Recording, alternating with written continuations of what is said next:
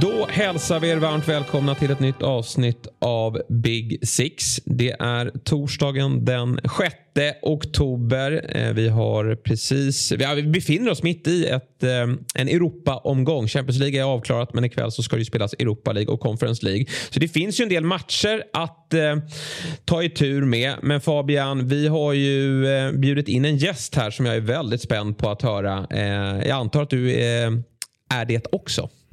Ja, nej, men det, får man, det får man lugnt säga. Eh, Champions League är ju inte för alla som jag brukar säga och eh, det är ganska ointressant. De riktiga matcherna spelas ju ikväll.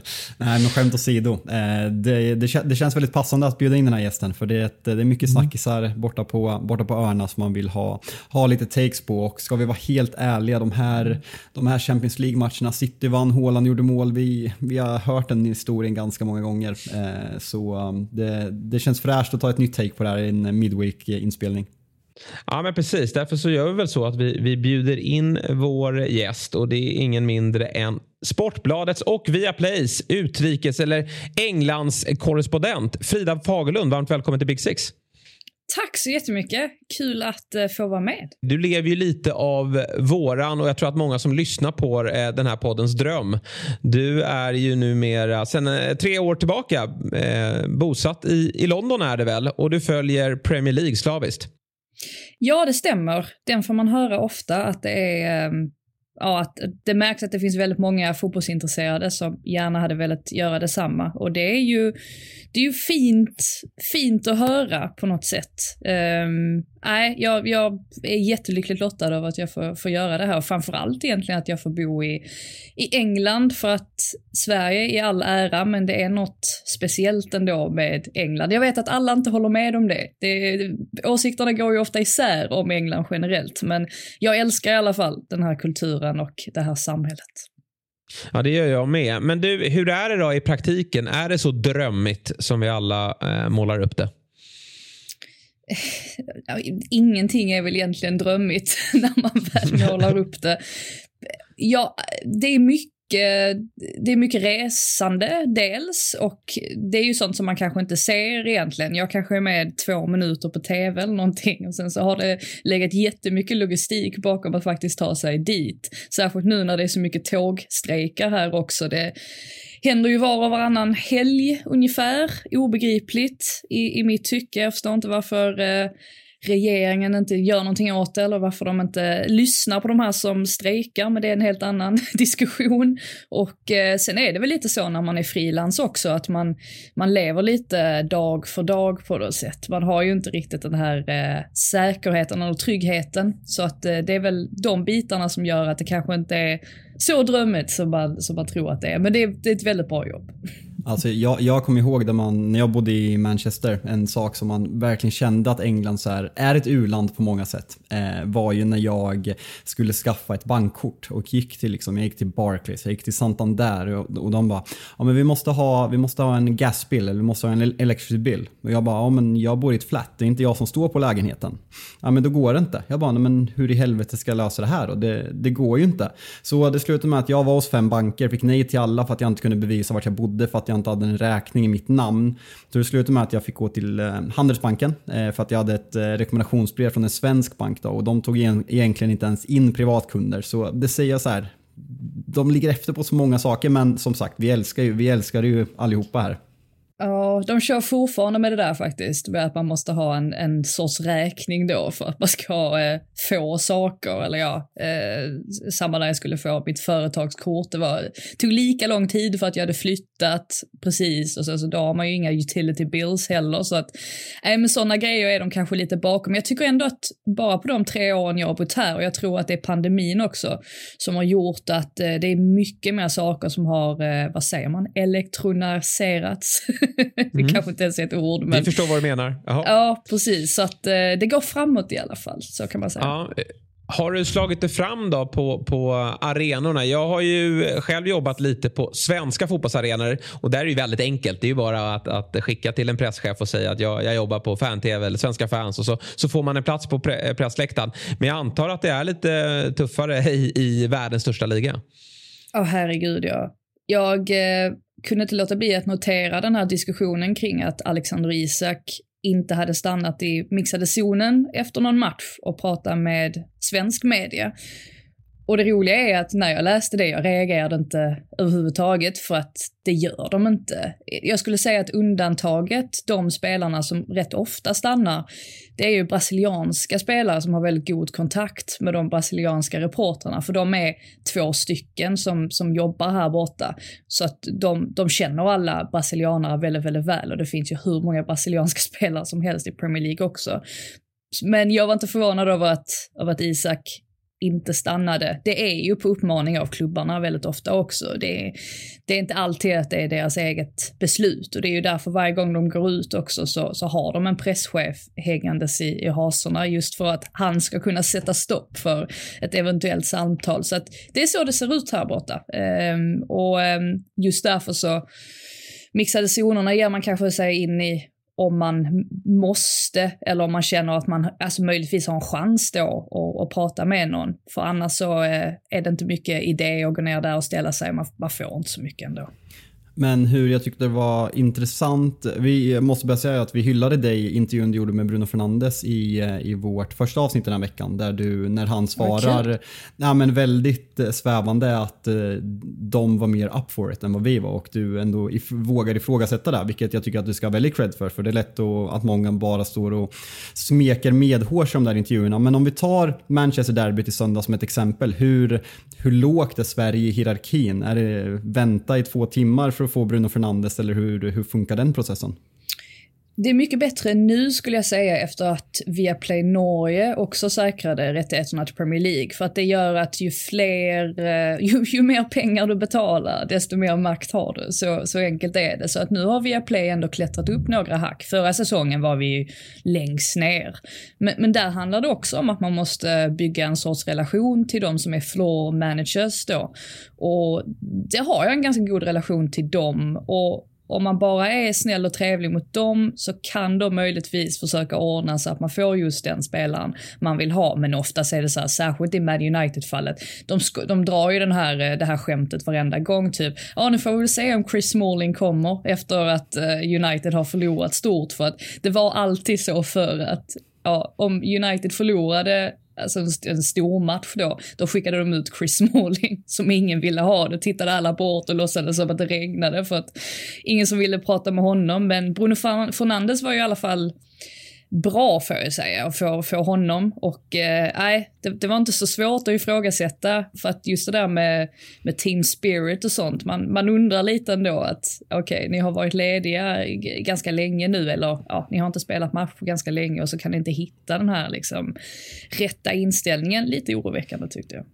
Men eh, gällande den intervjun, jag måste bara fråga för Ian Irving som eh, är, han är väl pressen, han är väl typ anställd av Premier League och eh, även programledare för The Athletics United podcast Talk, Talk of the Devils. Han sa ju att känslan han intervjuade Bruno efter matchen var att det var ändå något annat i blicken än vad det var förra året. Förra året var det väldigt uppgivet. Nu kändes det ändå som att det var något annat. Fick du någon reaktion? Du har ju säkert sett Bruno Fernandes intervjuer från förra säsongen när det bara kändes som en, som en repig skiva som sa samma saker och att uh, we're not up for it um, mentality wise, we're not good enough. Kände du att, uh, alltså att det är något som är bättre i Manchester United nu eller?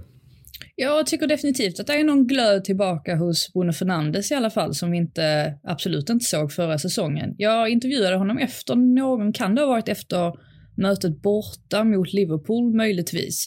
Och då var det ju verkligen sådär doom and gloom, alltså det var ju otroligt deppigt och det är nästan så att han orkade liksom inte säga någonting, han orkade knappt öppna munnen för att han hade inte motivation nog till att göra det. Så att jag tycker definitivt att det har skett någon skillnad med honom i alla fall. Och, och jag tror väl att jag ställde frågan också om det här var ett steg tillbaka och då var han ju väldigt sådär att nej, nej, nej, det är det inte. Så att kan de använda det här som motivation på något sätt så är det ju möjligt att det, att det kan komma någonting gott ur det. Men ja, det är klart, det är inte kul heller släppa in sex mål mot Man City i ett derby, det, är, det känns. Det gör det ju.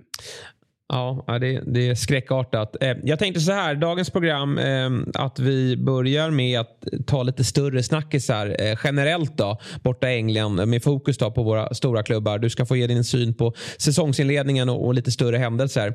Och, och, när vi är klara med det då, så tar du och jag Fabian oss igenom Europamatcherna som har spelats.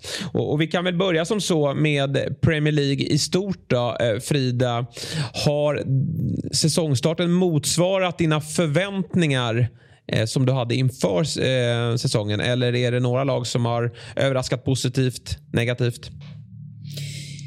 Ja, nej, det skulle jag väl, jag skulle väl säga ändå att det har blivit, ja men trots Manchester Citys Ja, trots att de har känts väldigt dominanta, att de inte leder ligan ändå är ju överraskande. Och att det inte är Liverpool som leder ligan det är ju ännu mer överraskande. Jag tror att deras ras på något sätt har ju varit en sån där grej som man kanske inte såg komma inför säsongen.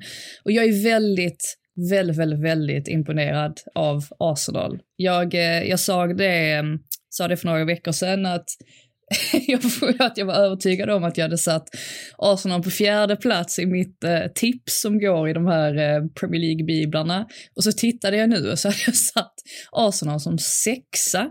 Och det var det, det var det sjukaste jag hade sett och tänkte liksom att det är ju någonting som måste ha blivit fel här, eller så är det jag som verkligen har satt dem som sexa. Nu, nu måste jag försvara mig och säga att vi, vi tippar liksom i slutet på juni, så det hade ju hunnit hända väldigt mycket sedan dess.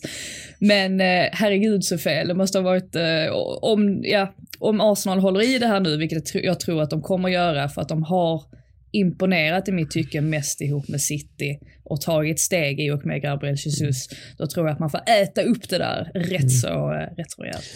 Ja, fast helt galet var det ändå. Först och främst är det ju helt, eh, det är ju väldigt jobbigt att, att behöva skicka in ett tips i juni. Det är ju som de som ska skicka in till allsvenskan som får eh, göra det i mitten på februari. Det, det hinner ju hända väldigt mycket. Men jag kommer ihåg att vi fick ju en del, man fick ju stå till svars. Vi, både du och jag Fabian hade väl Arsenal som fyra och då var det ju många Chelsea-supportrar eller allmäntyckare eh, Ehm, som, som kände att varför, varför inte Chelsea eh, med bland topp fyra? Arsenal kommer absolut inte nå Champions League för de har inte det som krävs för att ta sista steget. Så helt galet var det inte, men som du är inne på, otroligt imponerande ändå. Jag, jag såg dem ju absolut inte i eh, serieledning. Vi har ju slagit fast, eller slagit fast, vi, vi sa här i måndags att de är nu favoriter till att komma tvåa. Håller du med oss om det?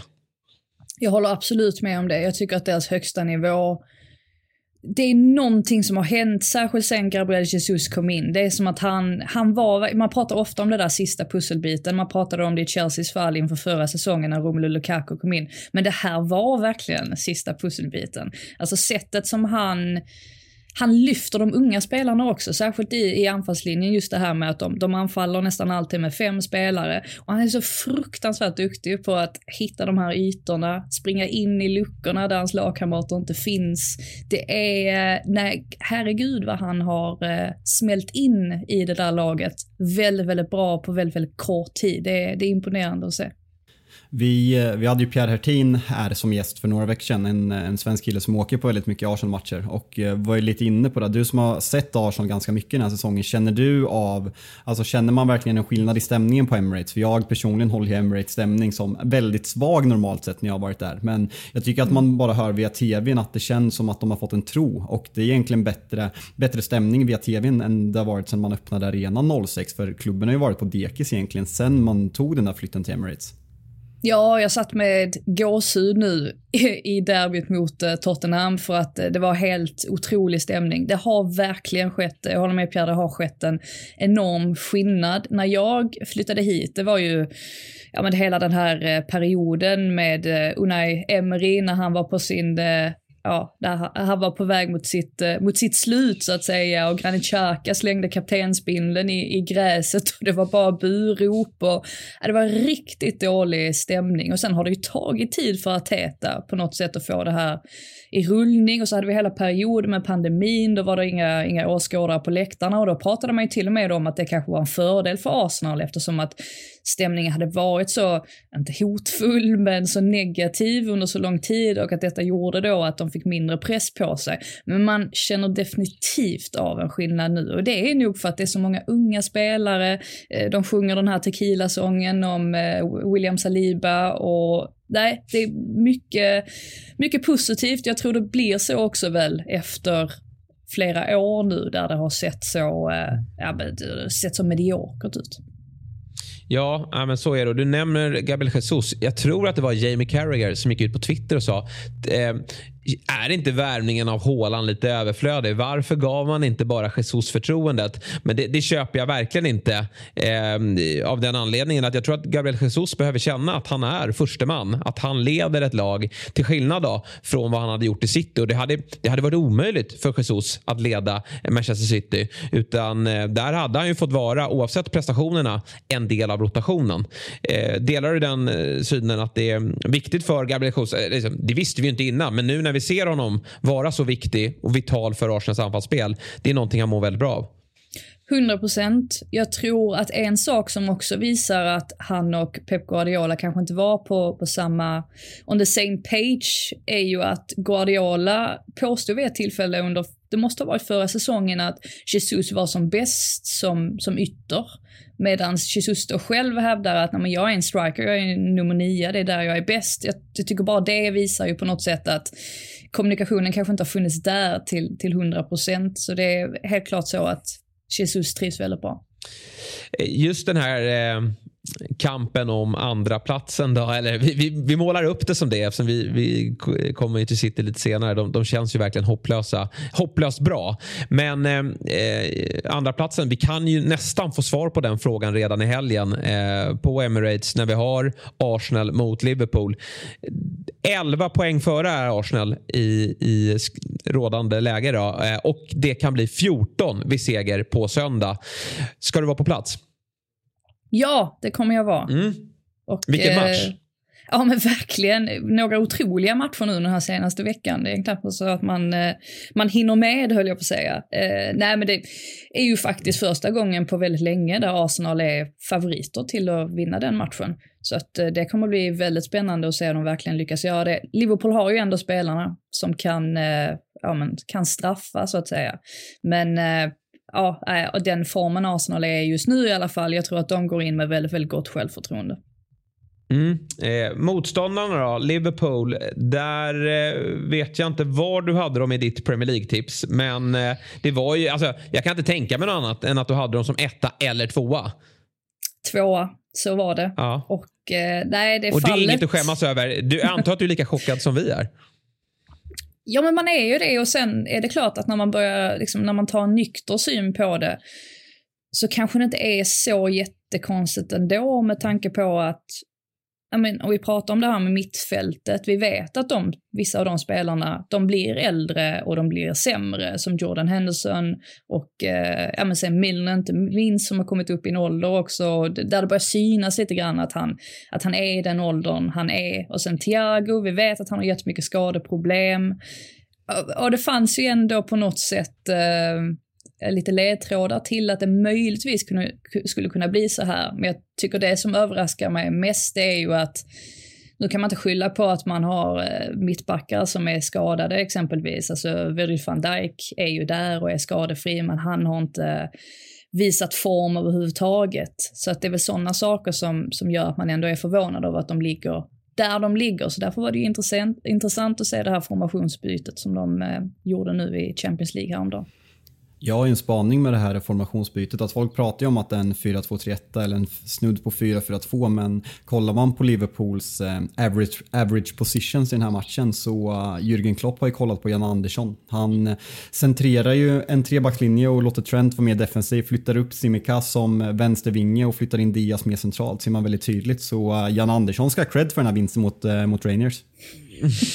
ja, men det ja, låter inte jättesmart att, att, att ge Trent defensivt ansvar. Nej, den här matchen fungerade ju. Jag tyckte nästan var lite spännande ja. att se honom diktera spelet på något sätt. Alltså där nerifrån. Alltså han, han kan ju verkligen slå de här linjebrytande passningarna som är helt sanslösa. Och fungerade ju väldigt bra. Sen får man väl komma ihåg att det är Rangers trots allt. Det är, det är inte Arsenal. Så att eh, vi får se hur det fungerar på söndag. Ja, och det blir intressant att se hur han formerar laget. Jag tänker mig ändå att Firmino fick ju vila här, att han efter målen här senast kommer att, att starta den här matchen. Eh, men, men annars så är det ju mycket snack såklart kring miljardvärvningen. Eh, Nunez här som har ju fått en lite jobbig start. Då. Eller han började ju pikt, men, men så kom det röda kortet. Eh, nu här mot Rangers tycker jag ändå att han, han kommer till mycket lägen. Alltså, han är ju bra, precis som Haaland där, på att söka upp dem. Men har inte riktigt avslutat med sig just nu. Nej, jag håller med. Jag tycker också att hans rörelsemönster var väldigt, väldigt bra mot Rangers. Jag tyckte också att det var ett steg framåt på något sätt. Alltså, han har ju fått en, en krokig start i England. Egentligen främst på grund av det här röda kortet han drog på sig mot Palace, som ju ja, gjorde på något sätt att det var säkert skämmigt för honom själv att han på något sätt lät sig påverkas av Joakim Andersen på det sättet, men också att det givetvis gjorde att han blev borta tre matcher och så hinner det hända jättemycket under de tre matcherna. Eh, men ja, alltså fantastisk spelare är, är han ju trots allt i grunden. Ja, jag tror också att han kommer eh, komma igång här. Det, det är inte helt lätt heller när, när, Liverpool haltar här nu i början. Hur går snacket på, eh, borta hos dig och dina kollegor då, gällande Klopp? Är, liksom, är det några som har börjat skruva på sig? N när kommer första krönikan Klopp out? Jag tror att det kommer dröja väldigt, väldigt länge. Det har ju pratats om den här eh, sjuårsförbannelsen mycket. Att eh, han har en tendens att efter sju år så börjar, börjar magin avta lite grann, eller snarare energin avta i laget han tränar. Men i övrigt så tror jag det kommer krävas väldigt, väldigt mycket innan det börjar pratas om att han ska få sparken. Vi vet ju trots allt vilken Ja, men att han är en av de absolut främsta tränarna. Man håller ju honom fortfarande ihop med Pep Guardiola. Det är Pep och han och sen är det möjligtvis att det är någon till som, som snuddar vid, men eh, Arteta är på väg så att säga, men han har en bit kvar så att ja, det är, han, han har fortfarande mycket respekt. Det är det som också är lite, jag vet inte om man ska säga oroväckande, men, Klopp för mig är ju verkligen en systemtränare, precis som Pep, att man, man tror på sin idé och man kör den hela tiden. Det är därför det är lite eh, uppseendeväckande att man byter den här eh, uppställningen mot Rangers. Sen får vi se, alltså det här tvåmannamittfältet han indirekt spelar, sen om Jota droppar lite i försvarsspelet när man möter Arsenal och City borta, eh, går ganska lätt att argumentera att just nu, eller City hemma, men två av de absolut svåraste matcherna på, på en säsong. Sen gällande det säger om Jürgen Klopp att det kommer ta tid. Alltså så här, folk utöver vad Klopp är för fotbollstränare får man inte glömma hur, hur Klopp har tagit till sig Liverpool som stad och hur Liverpool har tagit till sig Klopp. För det är en väldigt speciell stad med historia med, ja, men med, med, med Hillsborough, arbetarklass och eh, pol politiska saker och Klopp har verkligen tagit sin, till sig det där och för att få Liverpool-fansens hjärta efter Klopp, jag, vem, vem skulle kunna ta över det där? Jag, jag har så svårt att se det. det nej, Nej, och, och, även Klopp måste väl få ha lite sämre säsonger. Han har ju ett enormt eh, förtroendekapital och,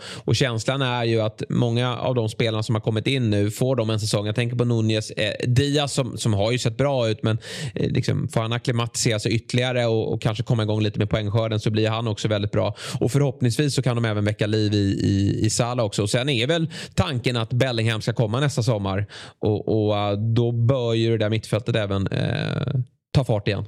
Ja, vi får väl se bara om Haaland inte har lyckats övertala honom att välja City istället. Den risken finns ju alltid. Jag tänkte bara på det också, just det här med, med tränare som, som måste anpassa sig. Får inte glömma bort heller att det var inte sådär jättelänge sedan som Guardiola och, och City helt plötsligt stagnerade lite grann. Det var väl hösten, måste ha blivit, var det hösten 2020? Första pandemisäsongen är det väl?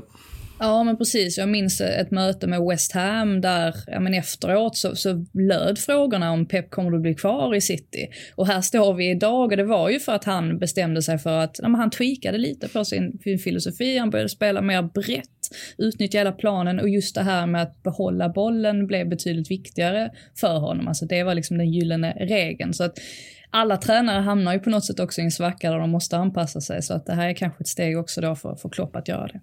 Absolut, den där säsongen, rätta mig om jag har fel, men var inte den när Fernandinho skulle slussas ut och man värvade Rodri och Rodri var ju bland de mest ifrågasatta City-spelarna man, man har sett i, i, fan, i, i fanskaror. Men eh, nu, det, det är fan inte många defensiva mittfältare som jag håller högre än Rodri i, i världen.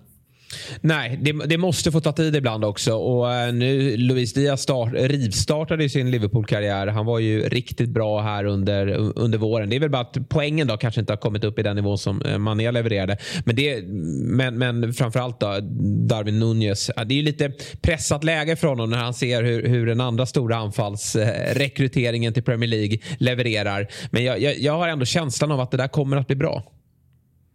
Ja, men jag tror också det. Uh, ja, det är rätt så intressant när man tänker tillbaka till Community Shield-finalen där Nunez på något sätt vann den ja. kampen med Haaland. Och har sen dess blivit ganska omsprungen, men jag tror också Nunez jag tror dessutom att man får inte glömma bort att Sadio Mané också har lämnat, vilket gör att alltså, han tog ett väldigt stort grovjobb också som man kanske inte som man kanske inte tänkte på riktigt, alltså just vad gäller pressspelet. Och jag tycker pressspelet, just den här första pressen, där är också någonting, det är också någonting där de har tappat lite i. Så att, jag menar, ju mer de spelar ihop, desto, desto bättre kommer det bli. Så att, ja, men förhoppningsvis för Liverpools del så kommer det liksom ljusna så, så småningom. Mm. Eh, Manchester City då. Vi, ja, vi har hyllat dem så otroligt mycket eh, i den här podden. Vi behöver inte gå in eh, jättedjupt på dem. Men, men är de bättre än någonsin eller? Ja. Det är för tidigt kanske. Det är för tidigt kanske. Men den här hösten är otrolig. Men den är väldigt otrolig. Och just det där att i mötet med Man United, att de saknade Rodri till exempel.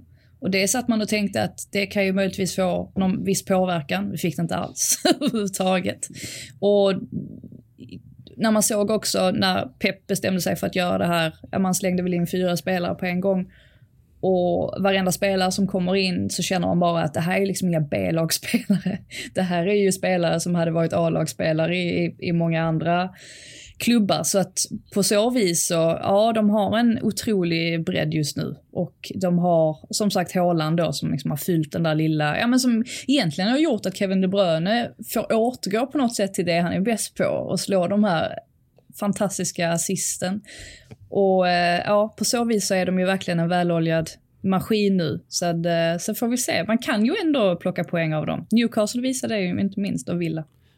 Mm, men det är, det är det som är häftigt med City. Alltså folk pratar ju om det här att det finns inget värde på transfermarknaden. Men det är bara att kolla. Så, så här, det är klart att det är jättetidigt och det är lätt att komma in i ett fungerande lag. Men Sergio Gomes och Eh, och, Akanji eh, som värvades för väldigt billiga summor för eh, den här, alltså som, som klimatet ser ut med övergångssummor. De, de är helt självklara i den där elvan och de kan sätta in dem i ett Manchester Derby.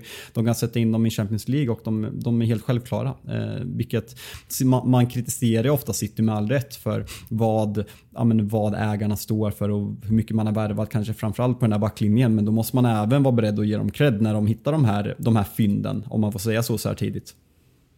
Ja, och på ämnet tålamod då. Alltså, eh, jag ska inte säga att han, han, är, han är tillbaka. Eh, min, min Grealish. Men de två senaste insatserna här är ju verkligen eh, åt rätt, i, i rätt riktning. Eh, och visst, man kan ju säga att motståndet igår var inte av högsta kaliber. Men, men i Manchester-derbyt var han ju riktigt bra. Och det är också så här, eh, han har ju också fått ett år nu att jobba på det och han har inte känt den här pressen. Alltså, eh, tittar vi på, på Nunez i, i Liverpool så har ju han ganska mycket press eh, omedelbart här nu. När, dels när Salah är svag och, och eh, produktionen eller laget i övrigt hackar. Men, men i Grealish fall så kan ju liksom liksom, han, han, kan ju bara åka med någonstans här och känna att ja, jag kanske inte har presterat men samtidigt presterar laget väldigt bra. Så att jag har eh, möjligheten här att, att hitta tillbaka till mitt forna jag och det tycker jag att man börjar se nu.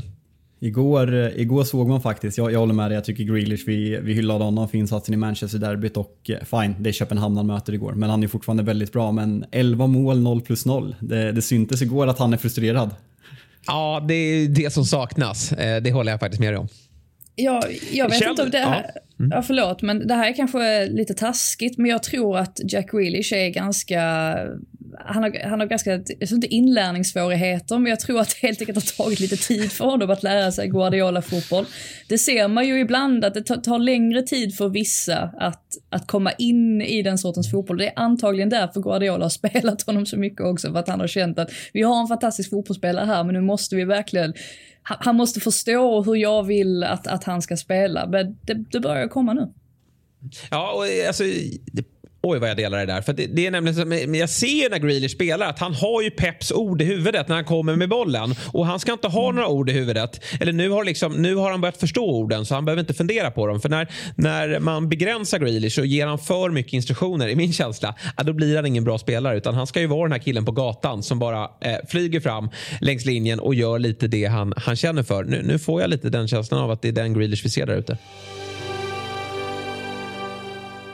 Som ni alla vet vid det här laget så är vi sponsrade av ATG.se. Vi levererar speltips inför Europamatcherna och helgens Premier League-matcher. Och det är väldigt glädjande att vi nu är på vinnarspåret. Riktigt snyggt spelat i Chelsea-Milan, Fabbe.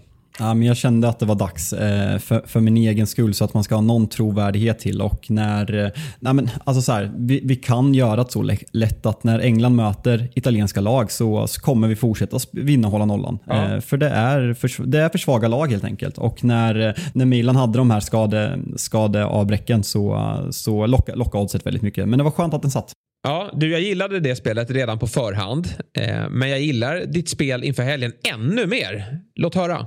Eh, nej, men eh, vi eh, framgångsrikt gick vi förra veckan på Leicester och eh, känslan är att formen kommer vända nu och James Madison är ju en av ligans absolut hetaste spelare. Så Leicester slår Bournemouth på bortaplan och utöver det så kommer West Ham eh, som också känns på nyttfödda med Jared Bowen som stekhet senast eh, mot Wolverhampton. Eh, de slår Fulham på hemmaplan och tror det eller ej, men ATG erbjuder alltså 3,83 till den här enkla raka dubben. Eh, så vi fortsätter på dubbelsystemet och eh, känslan är väldigt fin faktiskt.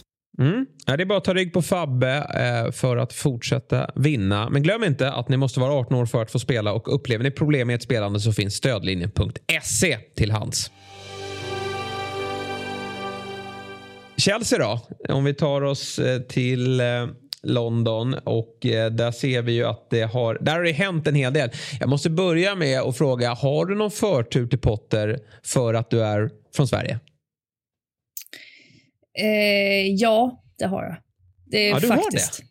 Ja, det, det är rätt, eh, ja, men det är rätt fantastiskt tycker jag att han på något sätt fortfarande minns det här att man åkte upp till Östersund och bevakade, bevakade dem ja men som, eh, ja vad blir det nu? Det blir, det blir fyra år sedan, 2018. Ja. Ja. Mm. Eh, nej, och han har alltid kommit ihåg det. Och vi har på något sätt eh, haft våra möten då och då. Eh, ja, men när man har åkt till Brighton så har man gjort en, nästan som en årlig intervju på något sätt. Och då Brighton har alltid varit jätteschyssta och, och, och låtit mig göra det oavsett om det har varit för Aftonbladet eller via Plays räkning. Så att eh, nej, det var ganska coolt eh, att man fick träffa honom nu för några veckor sedan. För det var liksom via Play Sverige och Eh, Premier League Productions och eh, de kinesiska rättighetsinnehavarna. Det var liksom vi som fick vara där. Så att, nej, det var, eh, han, är, han är samma ödmjuka kille som han var i Östersund. Så kan man säga. Vad glad jag blir att, att eh, han ändå gör så. Eh, det kan ju tyckas självklart fast i den här världen när, när det går snabbt så kan man ju någonstans glömma var man kommer ifrån. Och han vet väl någonstans att du vet var han kommer ifrån. Alltså det går ju såklart att i England så, så säger, nämner man väl det att oh, han var i division 3, eh, motsvarande division 3 i Sverige. Men du om någon vet ju vad Östersund är för typ av stad och vad han gjorde med det där laget. Jag, jag blir glad av att höra att han värdesätter det. Ja, men verkligen. Jag, eh, som sagt, han, just den här resan han har gjort också. Jag vet inte hur ni känner, för, för liksom följer allsvenskan också, att man har aldrig riktigt tvivlat på att det skulle gå bra för honom. Det, det är den enda tränaren där jag verkligen har känt så här att, Eh, ja, men jag, jag har alltid suttit i Arteta-båten till exempel och tyckt att ja, men vi måste ge Arteta förtroende till och med när det gick dåligt. Men det var inte som att man var 100% övertygad om att det där skulle bli bra. Och även om den här utmaningen som, som Potter har nu framför sig i Chelsea, den är ju alltså enormt mycket större än den han hade i Brighton, så känner man sig ändå rätt trygg i att om han misslyckas här så kommer det inte vara på honom, det kommer inte vara hans fel på något sätt, för att han är en helt otrolig fotbollstränare, så är det bara. Mm. Ja, jag, jag, köper verkligen det. Jag har eh, alltid suttit i potterbåten. Man gör ju gärna det som svensk. Eh, men eh, det här, eh, jag, jag, tror att det kommer bli bra med Chelsea. Men som du är inne på, skulle det skita sig, för det, det kan det göra för tränare i Chelsea. Eh, de är ju ganska bra på att skicka dem tidigt eh, när det går emot. Får vi se om det är annorlunda nu då med nya ägare. Men eh, Potter har ju visat tillräckligt eh, i sin eh, tränarkarriär att han är real deal. Va, va, vad säger du om eh, Chelsea i övrigt då? Ny ägare, vad får du för känsla av eh, eh Todd Bowley? Ja, eh, jag vet ju om att de har varit ganska oroliga, alltså folk som, har, som jobbar i Chelsea bakom kulisserna. Särskilt under sommaren fick man höra rätt mycket att eh, shit, den här killen vet inte vad han, han vet inte vad han sysslar med. Han, han, vet inte vad fotboll är ens. Och det har man ju förstått, där man liksom fått höra ännu mer om ja, men, alla de här mötena med Tuchel där han vad var det, han ritade upp en 4-4-3 på tavlan. Alltså att han, han har inte riktigt haft koll på fotbollsvärlden men att han ändå, Todd Bowley då, har haft ambitionen att vilja lära sig. Han har varit runt väldigt mycket i Europa och träffat nästan alla andra storklubbsägare just för att på något sätt bli en del av den här världen nu. Så att ambitionen finns där definitivt. Det som gör mig lite orolig dock, det är ju att de har fortfarande inte en sportchef på plats. Men ändå så ryktas det väldigt mycket om att de ja, att de har kommit överens med olika spelare eller att de håller koll på olika spelare. Då känner man bara, vem är de här personerna? Jag hoppas ju att det är Graham Potters crew som, som har koll på de här så att det inte är Todd Bowley själv. För att jag litar inte riktigt på honom när det kommer till spelarrekryteringar så fullt ut. Det, det är det här du är inne på som jag har såna enorma frågetecken kring. För David Ornstein rapporterade ju i måndags att man har kommit överens med ett pre-contract med Nkuku från, från Leipzig. Och sen det pratas även om att man kommer gå väldigt hårt för Guardiol. Eh, vilken, eh, alltså det snackas om miljarden också där. Leipzig och sen Edson Alvarez i, i Ajax. Och sambandet mellan de här är att det är väldigt lovande spelare i en väldigt bra ålder. Men det är som du är inne på, man sitter utan sportchef. Man har försökt på Michael Edwards från Liverpool som tar ett sabbatsår. Eh, det går väl lite rykten om att eh, man kommer gå ganska hårt från honom och försöka igen. Även Freund, Freund som eh, är i Salzburg fick man ju nej ifrån. Så känslan är ju verkligen, vem bestämmer här? Har Potter redan så här fort godkänt de här värvningarna? Det känns liksom som att det sitter någon jag kan ha jättefel, men att det sitter någon och jobbar siffror på Y-scout och presenterar. Är det här okej okay, Potter? För att Potter har scoutat en Kuku i, i Leipzig, han gjorde ju inte den här scoutingen i, i Brighton för att det är en orealistisk spelare. Så det, det, det är så mycket frågetecken. Det kan säkert bli jättebra, men det, det är bara något som känns... Det är något man inte har upplevt tidigare. Ja, Potter har ju sin scout med sig här, men Eh, jag menar hans, hans titel är ju klart och tydligt head coach. Alltså han ska inte ha sådär värst mycket att göra med just med transfers, eh, är väl tanken som, som jag har förstått det. Och um, ja, det är, ja men det finns rätt mycket ovisst där på, just på, på Chelseas ledningssida. Och, och jag har lite sådär problem med, eller inte problem, men, men just att Bowley, han har ju haft den här strategin också där han har värvat in väldigt många unga spelare från ja, men, andra klubbars akademier. Och den tanken är ju väldigt god, den känns lite amerikansk utan att jag vet särskilt mycket om amerikansk eh, idrott så känns det ganska mycket som amerikansk idrott att just tänka sådär att man vi plockar in en massa unga spelare och ger dem jättelånga kontrakt så blir det jättebra. Jag är inte säker på att alla de här grejerna kommer fungera men det ska bli väldigt spännande att se om det faktiskt gör det. För att ja, det, tanken är god på något sätt, men om det funkar i fotbollsvärlden, det, det vet man inte riktigt. Hur överraskad eh, blev du av att Tuchel fick eh, lämna? Ja, men jag blev överraskad på grund av tajmingen, just eftersom att det hade gått en vecka av transfer, eh, sedan transferfönstret stängde, man hade plockat in Aubameyang. Jag tyckte att allt sånt pekade på att Tuchel ändå skulle få chansen att få bli kvar. Sen har man ju förstått att relationen dem emellan krackelerade ganska tidigt, redan under sommaren när Tuchel slutade svara på WhatsApp eller vad det var. Och eh, ja, på ett sätt kan man ju förstå Bowley då att han är svår. Tuchel är ju, alltså man är inte förvånad över att höra att Tuchel är svår att samarbeta med. Han är ju en fantastisk människa när man intervjuar honom och sådär och, och eh, han, han var ju väldigt omtyckt bland medarbetarna i Chelsea också. Väldigt trevlig, långt mer trevlig än vad många andra tränare, Chelsea-tränare har varit. Men sen är han ju säkert, han vill göra saker på sitt sätt. Och eh, ja, han är ju som han är också temperamentfull. Förmodligen den mest temperamentsfulla tränaren som har varit i Premier League nästan och då finns det ganska bra konkurrens. Så att nej, jag var väl inte förvånad på så vis att, att de gjorde sig av med honom, men tajmingen timingen däremot, jag tyckte att det kom out of the blue så att säga. Men om vi, eh, om, vi, om vi går in lite på en spelare som det skar sig rejält med, med Thomas Tuchel i Romelu Lukaku som eh, ja, men, är bland de största flopparna i Premier Leagues historia med tanke på övergångssumman. Eh, en Kuku som, vi, vi, om vi räknar med att han kommer in, vad jag har förstått så han gillar ju att laborera i de här rollerna runt. Han är ingen självskriven nia och eh, tror att det finns någon framtid för Lukaku i Chelsea eller har det skurit sig för rejält? För alltså så här, Aubameyang, ska man satsa på honom långsiktigt? Och det känns som att de här Mason Mount, Pulisic, Ziyech, Havertz, alltså det är så många liknande spelare. Man kommer behöva en nia som ska leda den där anfallslinjen. Ja, det kommer man ju verkligen behöva på, på sikt. Potter, alltså han är som han är. Han kan ju titta på en fotbollsspelare och sen så kan han eh, placera den precis var som helst på planen och det blir bra ändå. Så att jag sitter bara och väntar lite grann på att han ska på något sätt kasta om i det här laget och kanske, ja men som vi såg Raheem Sterling egentligen i första matchen mot Salzburg, att han var, han var inte wingback egentligen, han var ytter, för man kan inte kalla en spelare som ligger så högt i planen för wingback, men på pappret var han ju wingback, lite grann som Leandro Trossard ofta var i Brighton. Så att, um, ja på sikt måste Chelsea ha in en striker definitivt. Jag tror väl inte att Brosha han är väl inte den spelaren riktigt ändå. Han, eh, ja, han är väl mer en truppspelare. Ja, frågan är vem de ska ta in. Alltså jag har svårt att se Lukaku komma tillbaka ändå på något sätt.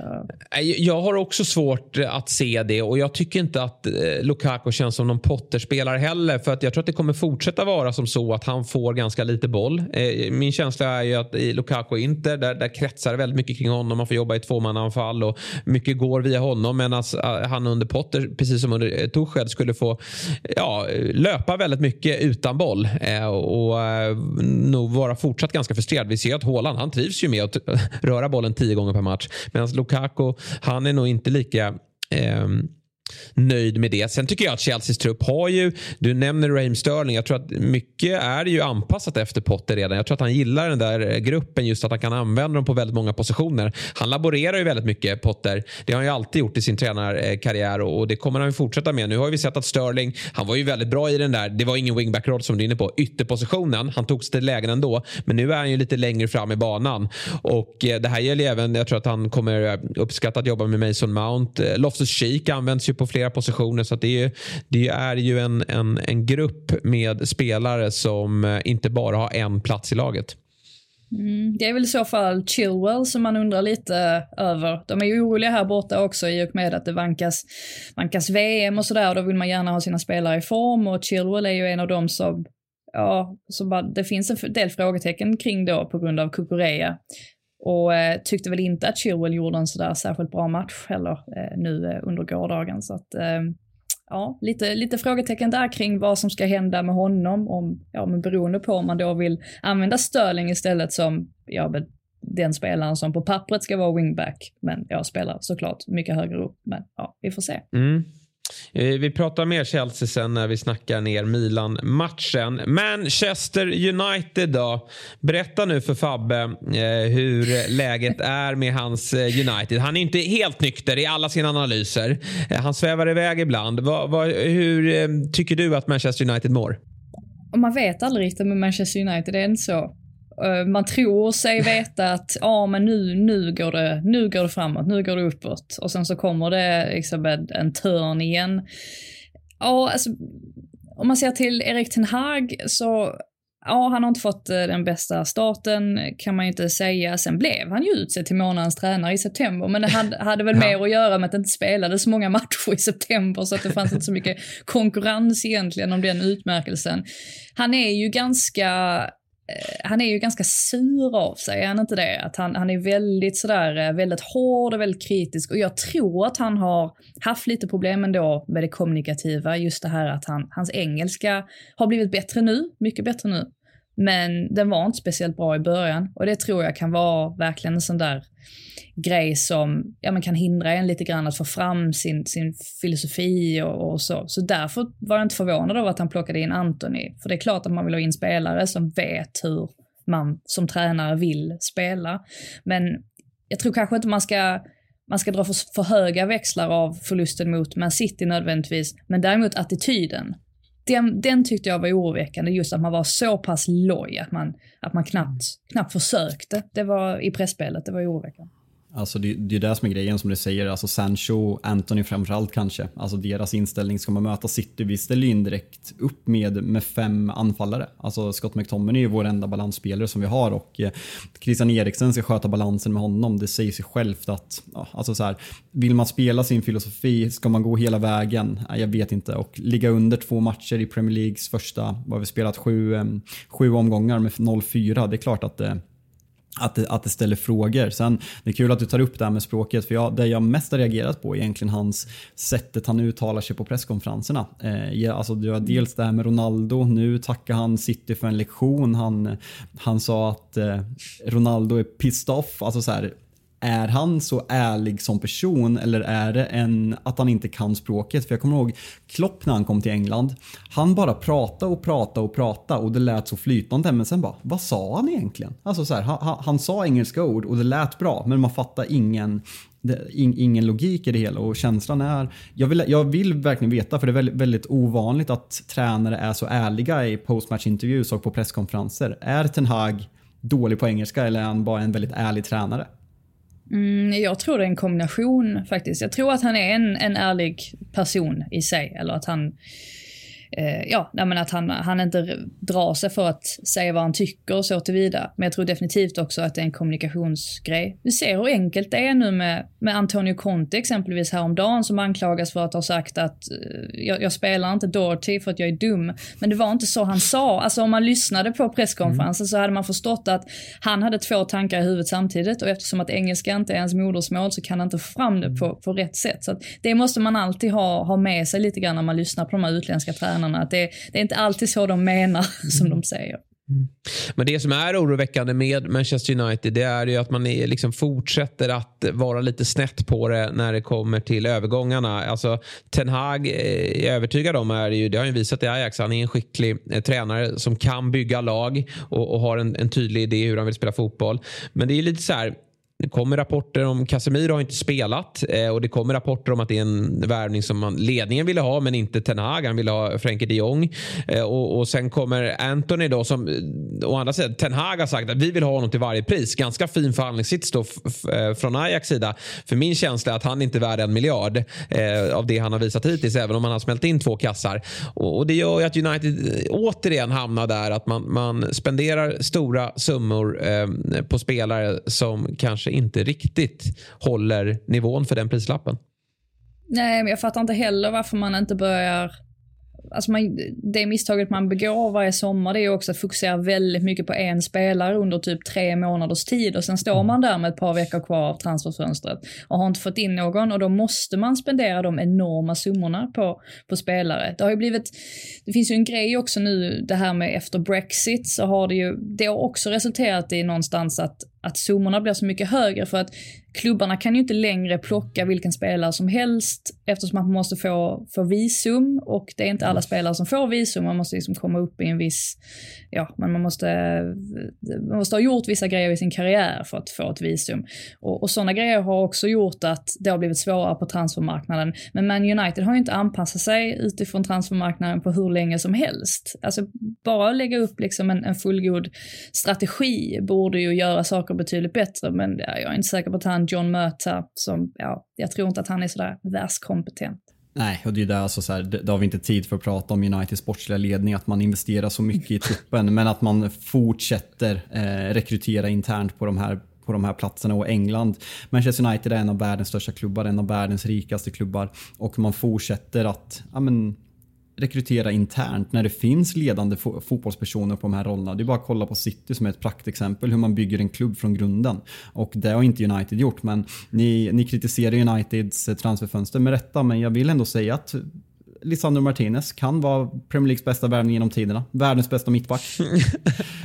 Världens kortaste i alla fall. Ja, ja det är Och då vet man hur, eh, vad det slutar. Men, men, och sen också, kan de inte förbjuda Ferguson att dyka upp på matcherna? Det känns som att han liksom, det vilar en förbannelse över att han är där. Kan inte han bara checka ut totalt? Eh, för någonstans, ja, han bestämmer ju saker och ting fortfarande, eller hur? Ja, han var ju på Anfield också och såg eh, Rangers Um, ja, just det. Så att, mm. ja, han dyker upp lite här och var, men jag håller med. Sen är det ju intressant också att han på något sätt fortfarande har ett finger med i spelet. Att han, han kan ja. inte riktigt lämna United heller. Jag vet inte om det är bra eller dåligt. Jag tror nästa vore bättre om han bara lämnade helt och hållet. För att nu blir det på något sätt sådär att nej, vi förstår Sir Alex att vi, vi kan, ingen kan ersätta dig. Det är väldigt tydligt nu, men nu måste man kanske gå vidare också. Han hade ju lite för många fingrar med i spelet kring att ta hem eh, Ronaldo också, får man ju säga. Ja, det är säkerligen han som har sagt att de ska behålla honom också. Eh, det eh, får jag bara känslan av. Ja, avslutningsvis Spurs då. Halvknackig start va? Halvknackig start.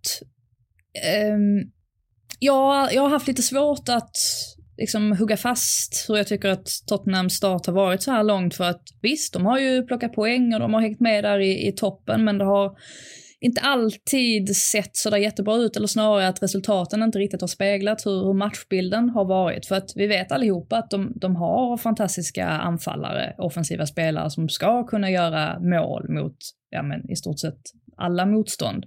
Men de har sällan dominerat bollinnehavet, vilket inte nödvändigtvis behöver vara en negativ grej, men det blir ju ändå så att släpper du kontrollen ifrån dig i alla matcher så kommer du åka på en förlust så småningom. Och eh, ja, mot, mot Arsenal så blir det ju sådär också att när, när Son och, och de här offensiva spelarna, när de dessutom slarvar lite grann och man saknar Kulusevski, ja då blir det inte så mycket kvar av Tottenham. Så att, nej, han har det hett om öronen nu, Conte, för att eh, ja, nu, nu måste det liksom, eh, ja, det där, den här pragmatiska spelsättet, man måste få ut saker av det hela tiden för att folk ska hålla sig nöjda. För annars, annars kommer gnället direkt, annars kommer jämförelserna med Stoke City och allt vad det var.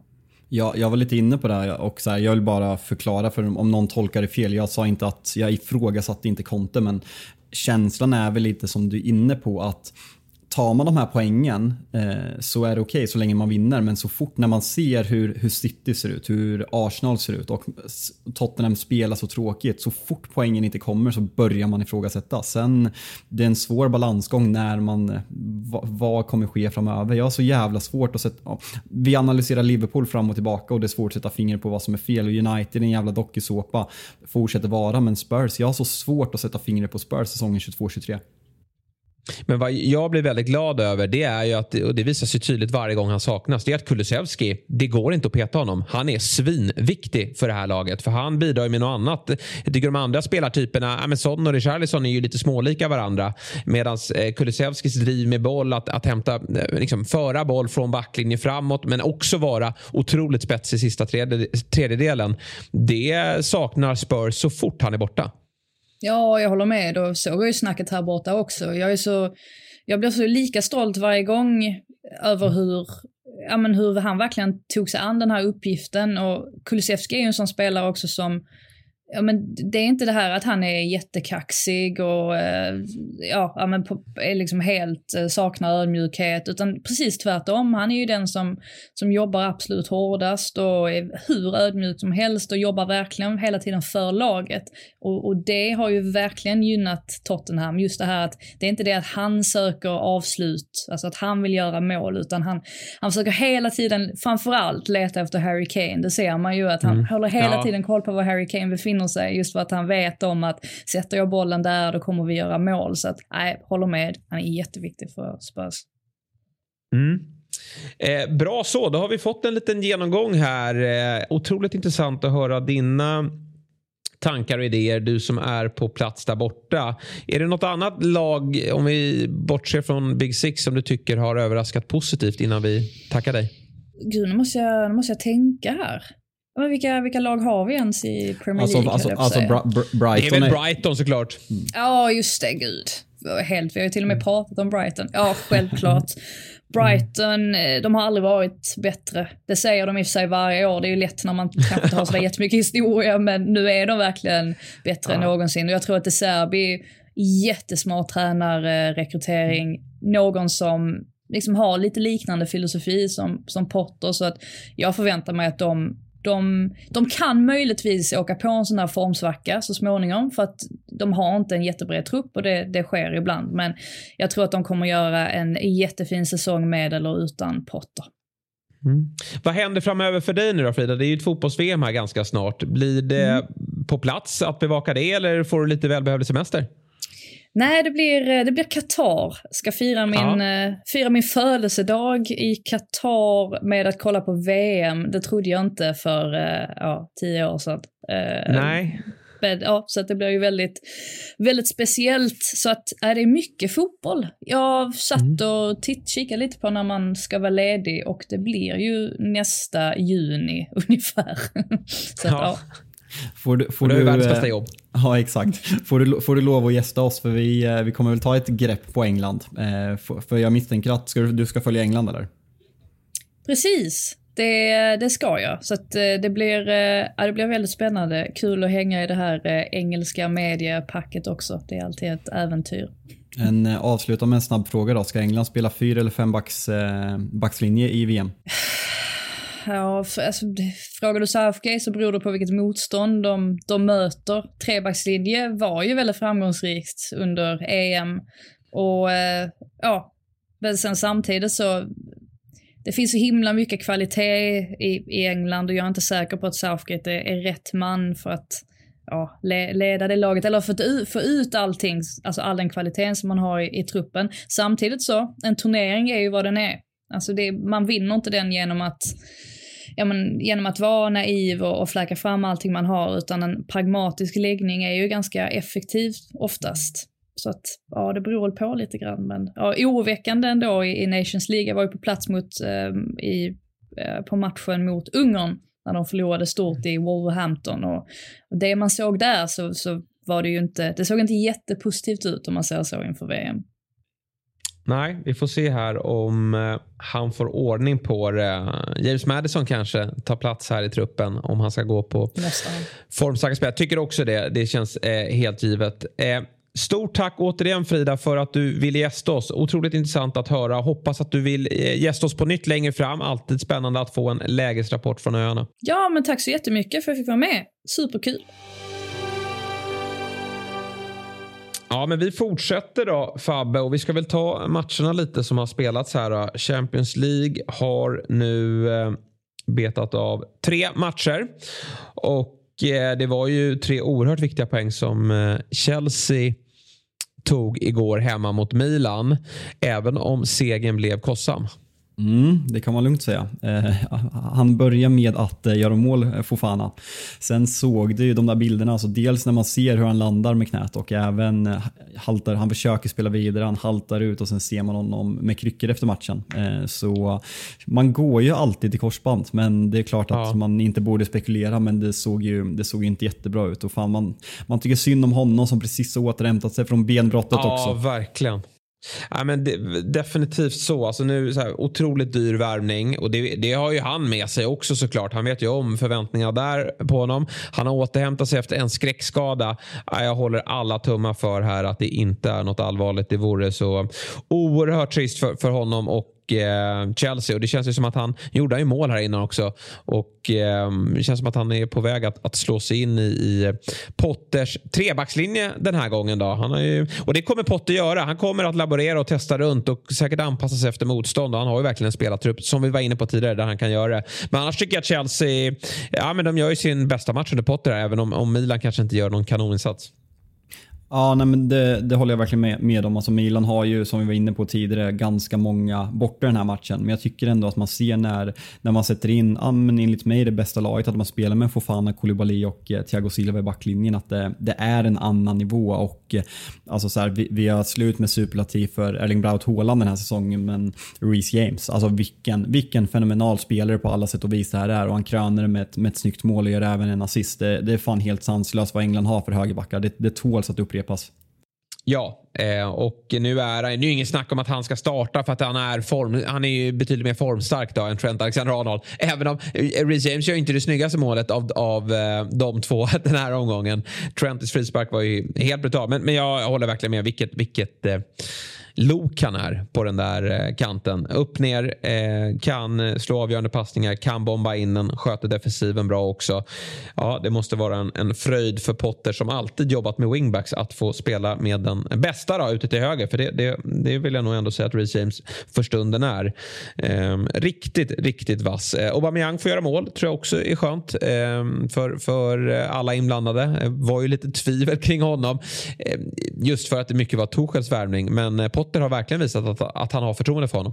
Men det är viktigt att han kommer igång också, för som sagt de har ingen riktig nia. Havertz har inte kommit in i det, Lukaku out, Broscha. Eh, nej, kommer, kommer, inte, kommer aldrig bli en startanfallare i, i Chelsea, så det, det, är väldigt viktigt. Jag tycker, är det något som är synd den här matchen så är det att Mason Mounts mål blir avvinklat för offside, för han hade verkligen behövt det där. Det är ett riktigt ja. klassmål han gör och eh, han, är, han är bättre den här matchen, men han behöver verkligen komma igång. Jag, jag tycker det är kul när de laborerar med de här, vem som spelar längst fram och vilka som spelar bakom. Jag tycker det funkar bättre än vad jag kanske har sett, förutom mot Spurs den här säsongen när de spelar med Sterling och Mount där. Så det blir kul att se hur man fortsätter där och eh, att Kovacic har kommit tillbaka. Jag tycker han är helt fantastisk.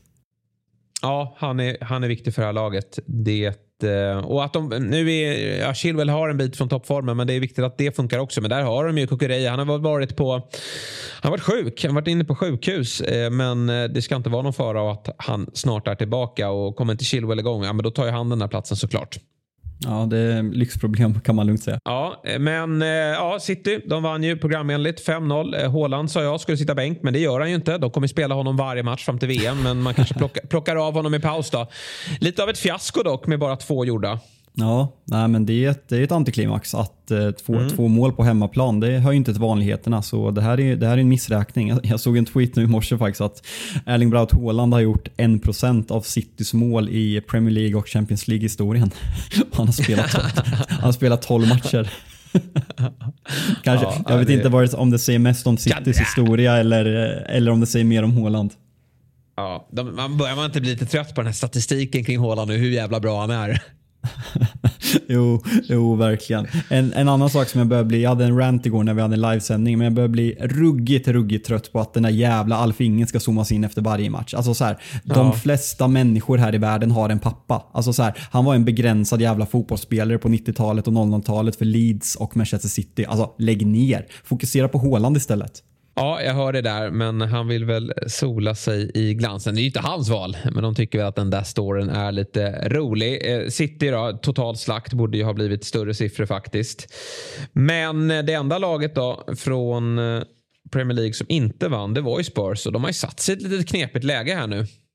Mm, nej men det, det, får man lugnt säga. Alltså, så här, jag tror på förhand att man tar det här, men 0-0 det, det, ser inte jätteroligt ut. Man har, man har den där insatsen senast mot, eh, mot Sporting när man torskar. Man har North London Derby när man direkt, ganska utspelad under 90 minuter och sen den här 0-0 mot Frankfurt och, och Dejan skadad på det som verkar vara några veckor bort. Så det är klart att eh, känslan inte är topp i Spurs och eh, riktigt, riktigt tuff match i helgen när man, när man ställs mot Brighton. Eh, så mm, mm vi eh, ögonen är öppna. Ja, det där är viktigt för dem och just nu så är många av de här lagen, ja Chelsea, de, de, kan ju absolut inte slappna av. De har ju bara fyra poäng och nu ska de ju till eh San Siro härnäst. Men eh, jag tänker på att City kan ju börja slappna av såklart. Och eh, Liverpool kan inte heller slappna av när jag tänker efter dem. De har ju helt klart ett, ett jobb att göra. Men, men Spurs de kommer få jobba, slita hårt här nu hela vägen fram till VM för att hänga med i toppen men också givetvis då gå vidare till eh, åttondelsfinalen. Men jag tror väl ändå i slutändan att de ska fixa det här. Nu har de ju haft två bortamatcher. Då. Eh, nu, nu kommer de ju att böta både Sporting och Frankfurt på hemmaplan och där ska det ju bli eh, sex poäng. Men vi väntar väl på den där klockrena insatsen från Contes eh, Spurs Spurs. Får se om det sker mot eh, Brighton till helgen. Liverpool, de eh, vann med 2-0 mot Rangers och det var väl ändå, trots formen då på Liverpool, inte särskilt förvånande. Men, men skönt för dem att få hålla nollan. Trent fick göra mål och Salah fick göra mål. Ja, nej men det, det, det, är så underligt att så här, många, jag har sett många hån att wow, man slår Rangers med 2-0, gör mål på två fasta, men alltså så här, matchbilden, jag tror att det är 22 i skott. Eh, man, man är fullständigt överlägsna och ska såklart göra mer mål den här matchen och jag, eh, jag, jag, kommer inte dra för stora växlar än. Man, man har två av säsong, eh, säsongens absolut tuffaste matcher nu och man kommer ställas på prov rejält, men ett steg i rätt riktning för Liverpool. Jag tror att självförtroendet både för Trent och Salah är väldigt viktigt. Att så här, man, man vet de här egoistiska egoistiska fotbollsspelarna. Även om det är en frispark eller en straffmål så betyder det mycket. Jag tyckte man såg på Salas firande, ett 2-0 mål mot Rangers i en, en gruppspelsmatch, att det fortfarande betydde något för honom. Ehm, så, mm. Ja, och eh, om vi bara liksom kliver över då, till vad som komma skallar. Den här matchen på söndag, den är ju helt enorm för Liverpool. För här finns det ju verkligen möjlighet att eh, ta sig tillbaka in i säsongen och liksom tysta dig och mig och alla övriga tvivlare där ute. För tar man en trea här nu mot Arsenal, vilket ju såklart måste vara målsättningen här nu, då, då, äh, men då, då kommer det ju låta eh, annorlunda inför eh, den så otroligt viktiga ytterligare nästa match då, då, då det är Liverpool som kommer, eller City som kommer till Anfield. Men visst, i söndagens match, den är ju vital för hela säsongen känns det som. Ja, och alltså så här, det, det, kan ju verkligen bli, tar man noll eller en poäng i de här två matcherna kontra om man tar fyra eller sex. Alltså så här, Liverpool är helt plötsligt, alltså tar de fyra poäng i de här matcherna och slår Arsenal så kan man ju inte utesluta att man kommer komma tvåa. Medan om man tar en poäng eller noll så, så är krisen ännu djupare. Så nej men väldigt viktiga, väldigt viktiga två, två helg, helgomgångar för, för Liverpool i Premier League och eh, mycket svar kommer komma fram och det ska bli kul att se hur man agerar. Om man kommer ja, men, som, som igår, att man kommer försvara med fler man, att man kommer hålla, eller i, i tisdags, att man kommer hålla Trent mer defensiv, att han får diktera, diktera spelet mer bakifrån och skicka ut upp Simikas mer offensivt. Eh, väldigt mycket frågor, det säger vi varje vecka, men det är fan väldigt mycket frågor kring Liverpool i år. Ja, och frågor även kring hur de kommer mönstra det här laget. 4-2-3-1. Det är inte ofta eh, Klopp överger 4-3-3. Man, har ju, man har ju faktiskt eh, sagt det. Ibland borde han inte testa det. Firmino droppande, Liota som droppande. Och än mer nu då kanske när man har fått en så tydlig nia där. Hur tror du att man kommer eh, ställa upp rent offensivt då mot eh, Arsenal på söndag? Alltså jag har ju på något sätt svårt att se, alltså det är en väldigt offensiv, alltså så här, man ställer upp med fler offensiva spelare på pappret den här matchen. Man spelar Henderson och Thiago. Jag, jag tror ju på något sätt att Fabinho måste komma in i den här elvan. Eh, jag, jag tror man kommer spela med tre centrala mittfältare. Sen om man gör om i taktiken någonting, att man kanske spelar Harvey Elliott istället för Henderson och skickar upp honom mer offensivt. Jag, jag, jag säger väl att man, eh, Henderson byter mot eh, Eh, mot Fabinho. Eh, Jota byter mot eh, Harvey Elliott och sen så kommer Fabinho in på, på, central, eller på som nia, annars samma elva. Om jag får bara, Fabinho, alltså, Fabinho som nia? Firmino? Firmino, såklart. ja, ja nej men okej. Firmino nia, Diaz vänster och Salah höger. Jota, Nunez bänk? Eh, ja. Ja, men jag, jag, jag köper det. Jag, jag, tror väl också att det borde bli så. Och det är ju ganska fin bänk att kunna, alltså två bra spelare kunna kasta in här också i form av Jota och, och Nunez. Vad får vi för matchbild då? Det, jag, jag ser framför mig att Liverpool nyttjar läget att ligga lite lägre här och att det är Arsenal som kommer hålla boll. Vi får inte glömma att Liverpool i grunden under Klopp är ett fantastiskt jävla kontringslag och att man... Absolut. Alltså så här, ju bättre man har blivit desto mer boll man har haft. Men i början, alltså så här, innan Liverpool fick in van Dijk och Alisson så var man ju verkligen dödliga på de här omställningarna och Arsenal, jag har väldigt svårt att se att Arsenal kommer släppa matchbilden på, på Emirates med den, med den hemmasupporten som man har där. Så den här matchbilden kan fan, jag har inte ens tänkt på det, men den här matchbilden kan passa Liverpool ruggigt bra. Och eh, alltså så här, Arsenal är är fortfarande favoriter, måste vi ändå säga att de är. Jag tror även att de är det oddsmässigt, men eh, det känns verkligen, verkligen, eh, verkligen upplagt för en, ett eh, jävla slag. Det ska bli kul. Ja, för nu blir det ju som du säger. Arsenal är favoriter mot Liverpool. Det, det var ju väldigt länge sedan det var så. Och nu ska vi se om de, de eh, står pall för det. Mycket boll tror vi att de kommer ha och som sagt det kan passa Liverpools lag det här att få, ja men dels vara underdogs då men, men framförallt att, att få ställa om. Äh, det, är en, det är en jäkla match här på, på söndag och för Arsenals del så en, en trea här, ja men då, då, då är Champions League-platsen klar. ja, men det, det, det, kan, ja, men det kan vi faktiskt slå fast. Det går inte att säga annat. Det går inte att säga annat. Då är de 14 poäng före Liverpool. Nej. Och Liverpool som eh, veckan därpå ska möta City på Anfield. Ja, kan ju faktiskt dra en liten teaser att Robin Bylund har lovat att han, eh, vi, ska, vi ska få döpa honom i, i öl på en pub utanför. Om Henderson gör 2-1 och, och Haaland eh, går mållös så ska vi döpa honom till Braut eh, Bylund eh, efter den här matchen. Oh, ja. det, mm, upp, ja, det, kommer, ju, det kommer ju inte ske, men nej, du, ska, du ska ju vara på, på plats där som sagt. Eh, Vad har vi mer i helgen då? Vi har ju eh, ja, City möter Southampton. Eh, det lär ju bli ganska stora siffror. Även om det var Southampton som tog... Eh, de förlorade inte mot City i fjol. Eh, två oavgjorda fighter där. Och sen har vi då redan nämnda Spurs mot Brighton. Och sen har vi en fin match då på söndag kväll där eh, då eh, Manchester United åker till Goodison Park och ska försöka få hål på Lampards mur. Ja, det är fan inte lätt med Cody och Tarkovsky där. Nej, men en intressant match många perspektiv. Hur bra är Everton egentligen? Kan man fortsätta hålla uppe det här? Och eh, United, väldigt viktigt att studsa tillbaka efter, efter debaclet i derbyt. Eh, gjorde faktiskt jobbet och tog reda på varför den här matchen spelas eh, 20.00. Och eh, det har att göra med att det är BT Sport som har den här matchen och luckan BT Sports har på söndagen ger United för kort eh, vila från torsdagsmatchen eh, sent borta i Cypern. Så att det har med det att göra. Och det här kommer ske någon mer gång. Jag tror att det var Liverpool-Leeds som kommer spelas typ 2045 eh, en, en lördag eh, inom snar framtid. Eh, då det är en liknande situation. Det är bara att det har hänt någon gång tidigare men det är väldigt ovanligt. Men det har med tajta schemat inför VM att göra. Ja, det är bara att tacka och ta emot då, säger jag. För den där matchen uppskattar jag. Och sen får vi väl måndagsfight igen va?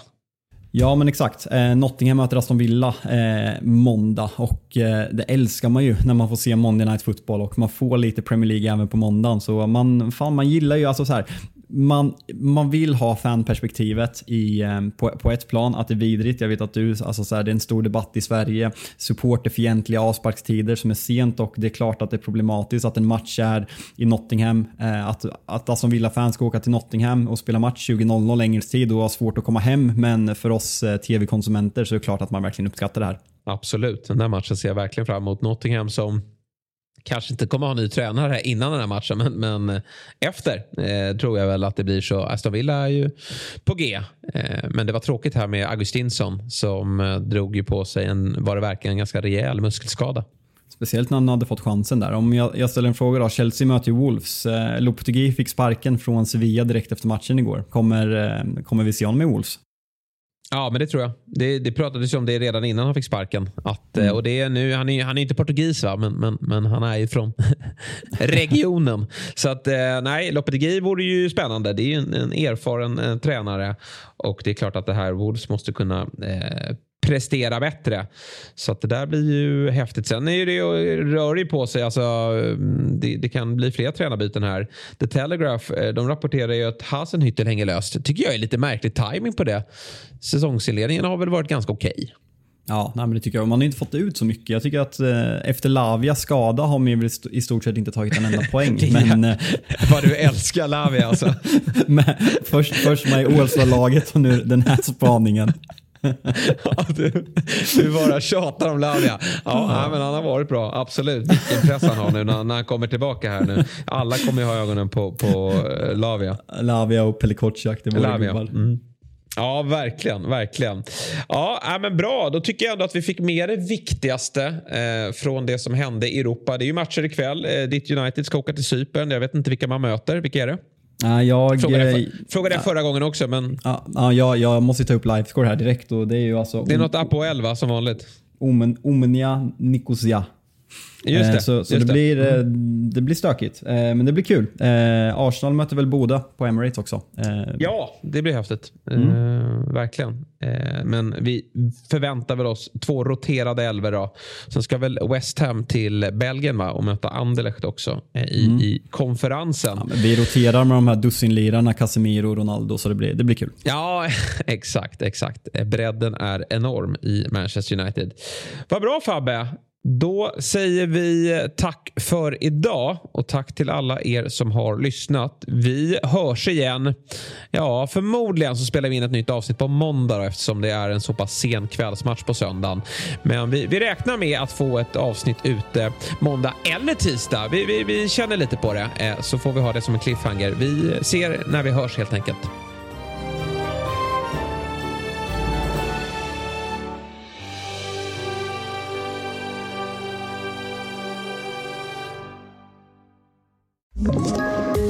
Poddtips från Podplay. I fallen jag aldrig glömmer djupdyker Hasse Aro i arbetet bakom några av Sveriges mest uppseendeväckande brottsutredningar. Går vi in med hemlig telefonavlyssning och, och då upplever vi att vi får en total förändring av hans beteende. Vad är det som händer nu? Vem är det som läcker? Och så säger han att jag är kriminell, jag har varit kriminell i hela mitt liv men att mörda ett barn, där går min gräns. Nya säsongen av Fallen jag aldrig glömmer på Podplay.